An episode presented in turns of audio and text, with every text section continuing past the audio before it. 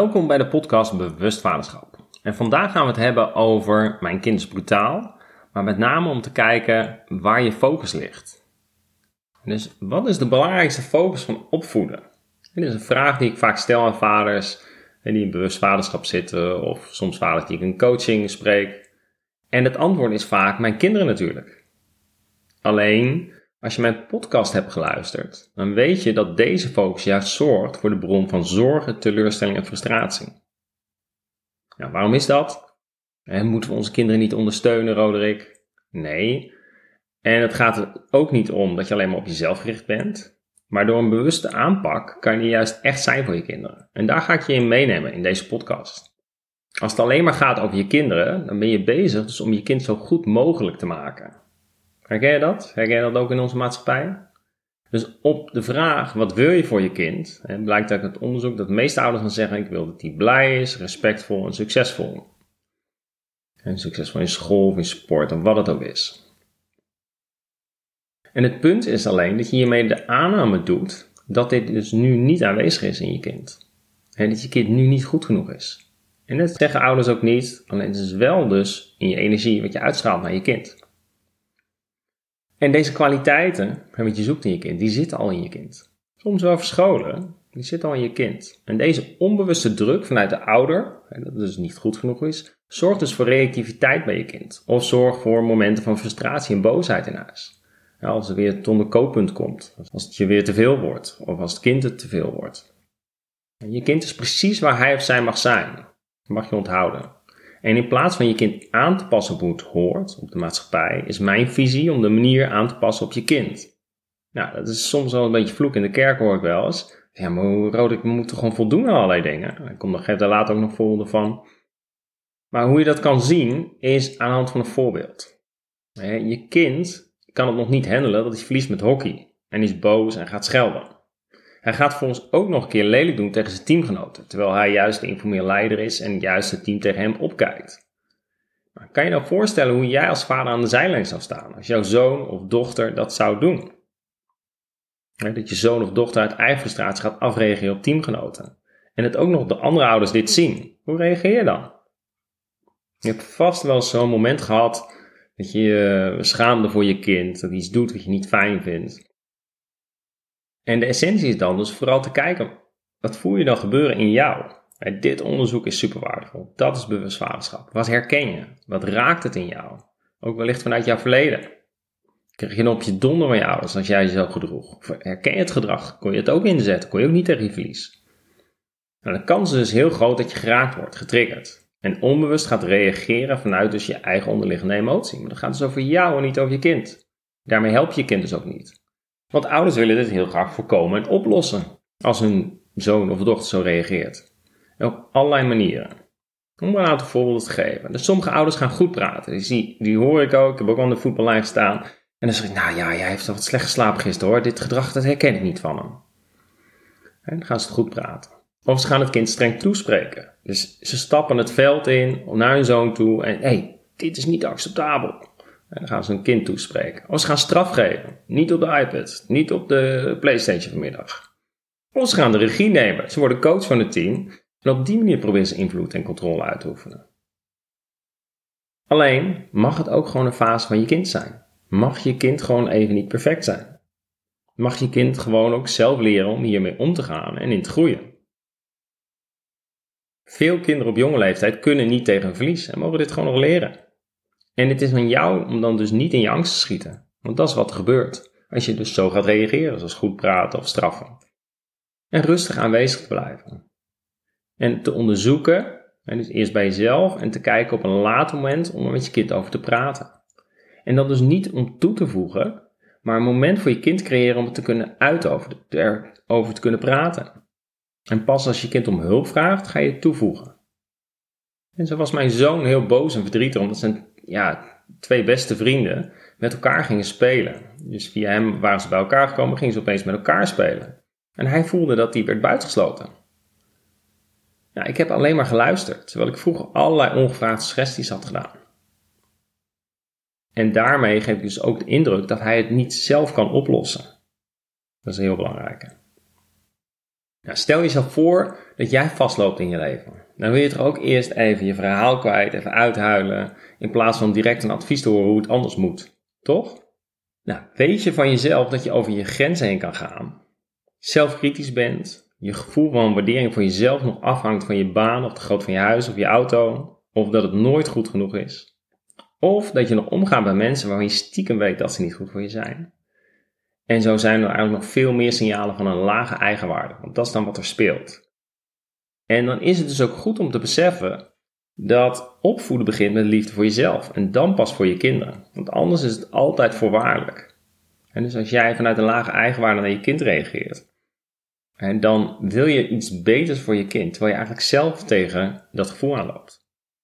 Nou, vaak gaan kinderen dan dus langs de lat van gehoorzaamheid en braaf zijn, als het voorwaardelijk is.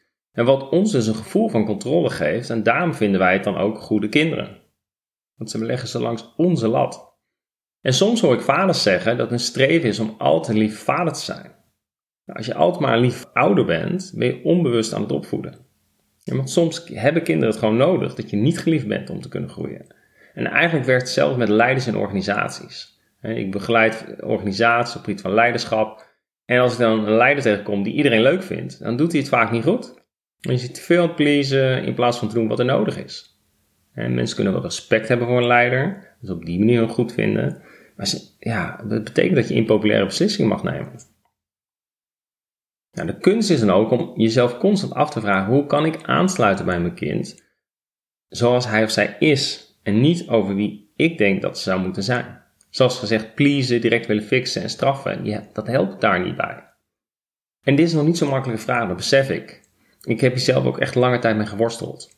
En bewust vaderschap is namelijk niet iets wat van de ene op de andere dag gebeurt. Het vraagt oefening en training. En het helpt als je een goed persoon bent, alleen dan ben je nog geen goede ouder. Ouderschap is eigenlijk een skill die je jaar in, jaar uit moet blijven leren. Net zoals je als je naar sportschool gaat, dat is ook niet na drie keer klaar. Dat zul je elke dag moeten doen. Of een aantal keer per week. En hierbij sluit dus ook aan op het bewustzijn van de diepte van het commitment dat je aangaat als je kinderen neemt. Heel veel ouders zijn er niet bewust van. Dat het niet stopt met een bepaalde handeling en je hebt een kind. Nee, dat is jaar in, jaar uit blijven leren. Dat is hoe ik het in elk geval zie. want kinderen komen vaak niet in ons leven om ons goed te laten voelen, maar vaak juist het omgekeerde. Dus dat vraagt ook van jou dat je dat gaat zien en andere betekenis gaat geven. Ik ga zo meteen verder op terugkomen. Welke betekenis geef je dingen? En ook goed om je vast gerust te stellen om te weten dat het roer hoeft niet helemaal om. En dat is heel vaak met vaders die, die dan vastzitten ervaren om. Het hoeft niet helemaal om. Vaak zit het in hele kleine bewuste momenten. Waardoor je meer contact met je kind krijgt. En knuffel. Het ontvangen van je kind. Als je kind thuis komt. Dat benoemen. Dat je blij bent dat hij er weer is. Het zien van je kind in kleine dingen. Als hij aan het spelen is. Nou, om een voorbeeld te geven. Dus een vader komt bij me en vertelt hoe hij regelmatig bijna dagelijks conflict heeft met zijn zoon. En hij spreekt zijn zoon regelmatig aan op hoe het gaat op school. En zijn zoon reageert dan boos en brutaal, waardoor hij weer boos terugreageert. Dus ze zitten samen in een negatief patroon. En het komt er dus op neer dat hij zijn zoon pusht om betere schoolresultaten te behalen. En ik vraag hem, hè, waarom ben je zo bezig met je zoon? Ja, omdat hij niet zijn volledige potentie uit zichzelf haalt. En er zit gewoon meer in hem. En dat hoor ik heel veel ouders zeggen. En dat is ook echt heel mooi om dat te kunnen zien. Alleen als ik hem dus voor ons uitleg dat met woorden als omdat hij zijn liefde voorwaardelijk maakt, hebben we een ingang om verder te kijken. En voor ons kijken we ook verder. En dan vertelt hij over zijn eigen opvoeding. En dat als hij thuis kwam, maar hij had een 8 gehaald voor een proefwerk, hij de reactie van zijn vader kreeg, wat had de rest van de klas? En want als de rest van de klas ook een 8 had, dan was het niet zo bijzonder. Maar als hij een 5 of 6 de rest had, dan was het wel oké. En dit heeft ervoor gezorgd dat hij heeft dus geleerd dat waardering en acceptatie van zijn ouders afhangde hoe hij presteerde. En ik zeg niet dat je kind niet mag uitdagen om te presteren. Wat mij betreft ligt altijd de focus op wat je kind doet groeien om ze sterk te maken. En zodat ze veerkrachtige kinderen worden. En niet altijd wat hun blij of comfortabel maakt. Alleen voorkom dat het over jou gaat. Jouw pijn, jouw verleden zoals met deze man, hoe het ging met zijn vader, want dan zie je je kind niet meer. Nou, ik hoor je zeggen, maar hoe doe ik dat dan, Roderick? En hoe weet ik wanneer het over mij gaat? Of dat ik het juist doe omdat het goed is voor mijn kind? Nou, dit is iets wat je mag leren. Dit is wat de vaders in het programma Jouw Bewust Vaderschap leren. Want ik geloof dat kinderen ons uitnodigen om ons innerlijk werk te doen. En de externe focus op het kind los te laten en te focussen op wat er in jezelf gebeurt. En te onderzoeken wat de situatie met je kind met jou doen. Van binnen naar buiten. En hierdoor groei jij, word je bewuster en kan je dat dus ook beter zijn voor je kind. En vaak nog spannender voor vaders. En ze vragen je om over te gaan naar overgave, de controle los te laten. En je kind zelf te laten ervaren wat er gebeurt als hij lelijk gaat doen tegen teamgenoten. En dat hij dat zelf mag ervaren. Nou, nog twee voorbeelden om je mee te nemen in deze nieuwe, bewuste manier van kijken. En de eerste is, je kind komt later thuis dan is afgesproken. En je bent boos, het is al de zoveelste keer. En getriggerd door je gedachte dat je kind niet luistert en geen rekening met je houdt, want dat gebeurt er dan in je hoofd. Ik heb toch duidelijk gezegd dat je om één uur thuis moet zijn. En dan is de vraag dus hoe je reageert. En word je boos, verwijtend of straffend richting je kind? Of, dat kan ook nog, en je hebt meerdere varianten voor de elder uit, of ben je bang dat je kind boos wordt en word je een blaffende hond die niet bijt. Dus je wordt wel boos, maar je zet niet door. En dit betekent dat je eigenlijk zelf geen grenzen aan kan geven. En dat is niet alleen bij je kind, toch? Dus wat ik daarmee bedoel, dat heb je dan waarschijnlijk ook met je partner of op je werk. En dat is heel waardevol als je dat patroon gaat zien. Want het gaat allemaal over jou. Je is wel de trigger, alleen dat patroon zit in jou.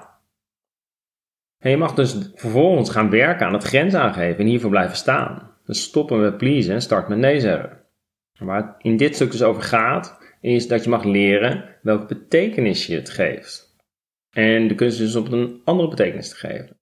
Dus in plaats van mijn kind is brutaal, hij luistert niet naar me, en dat je dan de betekenis geeft, er is iets mis met mijn kind. Dat je gaat shiften naar, hey, mijn kind is brutaal, en dat betekent dat ik beter mijn grenzen aan mag geven en erbij mag blijven. Heel andere betekenis. Zorg ook dat de focus direct naar jou gaat, heb je invloed op, voelt ook beter. In het begin is het wat lastig, omdat je geconfronteerd wordt met je eigen stuk, maar uiteindelijk helpt het je. Dus als mijn zoon binnenkwam en zei, hey gast, er was een periode dat hij dat tegen me zei, dan zei ik daar soms in het moment iets van, maar vaak later kwam ik er bij hem op terug, om even aan te geven dat ik niet een gast ben, maar dat ik zijn vader ben, en dat ik het niet fijn vind als hij dat zei. En dan reageer ja, maar. Dus hij reageerde wel zo. En vroeg ging ik daar dan weer op in. Maar daar gaat het helemaal niet om. Hij krijgt de boodschap gewoon mee. Hij accepteert nog niet direct, maar hij krijgt wel mee. Dat is een soort zaadje wat je plant. Onthoud dat. Super fijn. Want hoef je niet te gaan blijven reageren. En inderdaad, na een tijdje was het over. En wat daarbij ook heel goed helpt, is humor. En dat is wel humor zonder dat het de kosten gaat van de ander. Dus vroeger, dan zet ik humor in, maar dan nam ik hem ook een beetje weer in de zaak. Nou, dat hielp niet. Dus humor die gewoon neutraal blijft. Werkt heel goed. En nog een extra voorbeeld van hè, als mensen in het kader van betekenis geven. Sommige ouders zeggen ik heb een lastig kind. Maar dan kan je dus ook de betekenis geven van hé, hey, ik mag geduldiger zijn. En je haalt het dan meteen naar je eigen serie van invloed en maak je meteen krachtiger. Nou, het tweede voorbeeld wat ik jullie al beloofd is je kind komt boos thuis omdat hij een belangrijke toets niet heeft gehaald. En in het begin heb je nog even begrip, maar op een gegeven moment word je ook boos en geef je hem ook straf. Omdat hij niet heeft gehaald en hij reageert dan boos. Hij gedraagt zich niet. Alleen goed om te beseffen dat het gebeurt vanuit jouw onderliggende angst. Hè, vanuit je angst wellicht dat je kind niet succesvol zal zijn of gelukkig zal zijn. Dat hij achterop raakt, dat hij achtergesteld raakt. Als dat een trigger is, dan beland je ook in een patroon waar je niet blij van wordt. En wat er dan kan gebeuren is dat je kind zich gaat terugtrekken, minder gaat delen en reactief wordt. En hierdoor krijg jij minder gevoel bij je kind en ga je er nog meer bovenop zitten met vragen en regels. Nou, het effect daarvan is dat de afstand tussen jou en je kind groter wordt. Waardoor het patroon in stand blijft gehouden en de vicieuze cirkel verder wordt versterkt. En het is zo belangrijk om die patronen waar je zit met je kind te gaan herkennen om ze te kunnen doorbreken. Dus ik wil je uitnodigen om uh, de audio even op pauze te zetten en gewoon eens op te schrijven. Wat hoor je jezelf nou vaker zeggen tegen je kind? En wat hoor je kind nou vaak zeggen tegen jou? Vaak zit daar een bron van het herkennen van het patroon. Nou, ik ben benieuwd. Is het gelukt? Heb je hem even op pauze gedaan? En ben je er even mee aan de slag gegaan? Ik ben heel benieuwd. Nou, en ik snap dat mijn boodschap niet zo makkelijk is. En dat het veel makkelijker is om te zorgen en te focussen op je kind. En ook andere ouders zullen dit vaak aan je bevestigen.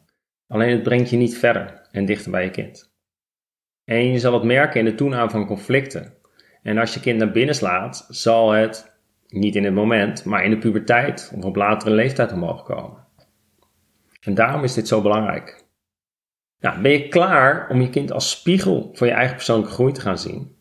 Om een echte en duurzame oplossing te krijgen voor waar je tegenaan loopt in de opvoeding met je kind. Om echt impact te maken, om er echt voor je kind te kunnen zijn als hij het lastig heeft.